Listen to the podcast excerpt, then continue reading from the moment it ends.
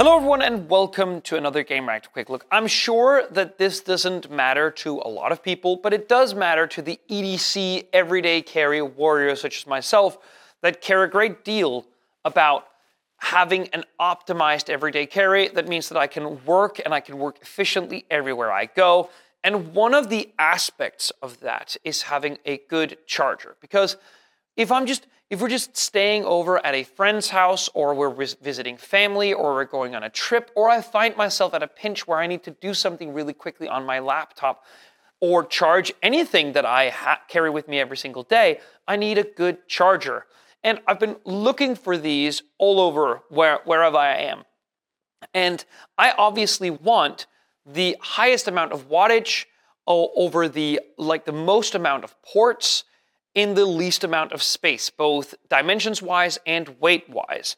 So the thing is, I've been using this for a little while with it, which is ASUS's official 100 watt GaN charger. Now, obviously, these comes in different shapes and sizes and weights, by the way, but I was immediately struck by how thin it initially is, or at least how the in the shape of it means that it's perfect for everyday carry. Now, it's obviously a GaN charger, and that's basically it's not a new standard now, but it's a new way of using gallium nitride to basically shrink these like we used to have incredibly large power supplies for just our laptops. But now this can basically charge anything that you want on the go. It's perfectly fine. Um, there are a couple of compromises with this. For one, you only get three ports, whereas in some cases you'd get four. More on that in a little bit.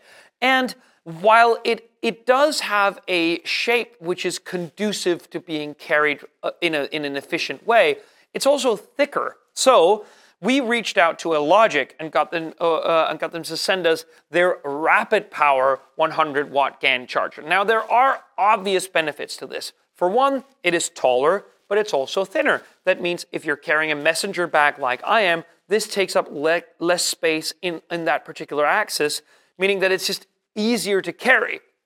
Furthermore, its weight is more it's distributed in such a way that it doesn't bend as easily. The thing about this is that it's so long from when it enters the plug that I find it to sag over time, which I would worry, at least again over time, that it would ultimately get to a point where it sags so much that I would be scared of it breaking. But it's more evenly distributed over the entirety of the device, but at the same time, it maintains a wall hanged um, sort of design frame. That means that it's there is no cable here that needs to go into the plug and then my cables, which goes into the devices that I want to charge. That means that it takes up less space and I have everything I need in this little enclosure. That's very nice. Furthermore, we get an additional USB Type A port. I don't use USB Type A ports that often now, but it's nice to have the compatibility if I need them. And furthermore, both of these, these USB Type C ports have USB power delivery uh, maintained, meaning that they are all set to charge larger devices as well. That is, regardless of their wattage, by the way. It's, it's delivered in such a way that there is a little uh, status LED at the top, which basically tells us that it's now delivering power.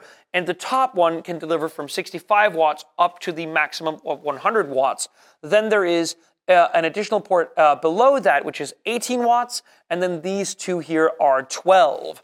Now, that basically means that if you're just charging one thing, which can charge up to 100, 100 watts, like your MacBook Pro, for instance, one cable in, charge, then you're ready to go and you're charging at pretty much the maximum speed that you can.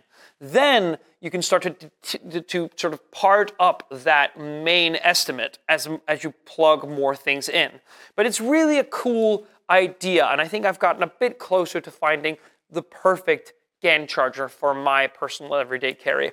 I do prefer it to ASUS's, but these are at least two very like very well reviewed and well received GaN chargers that run at 100 watts. You can obviously go higher than that if you want, but uh, consider Alogic if you're going for something like this.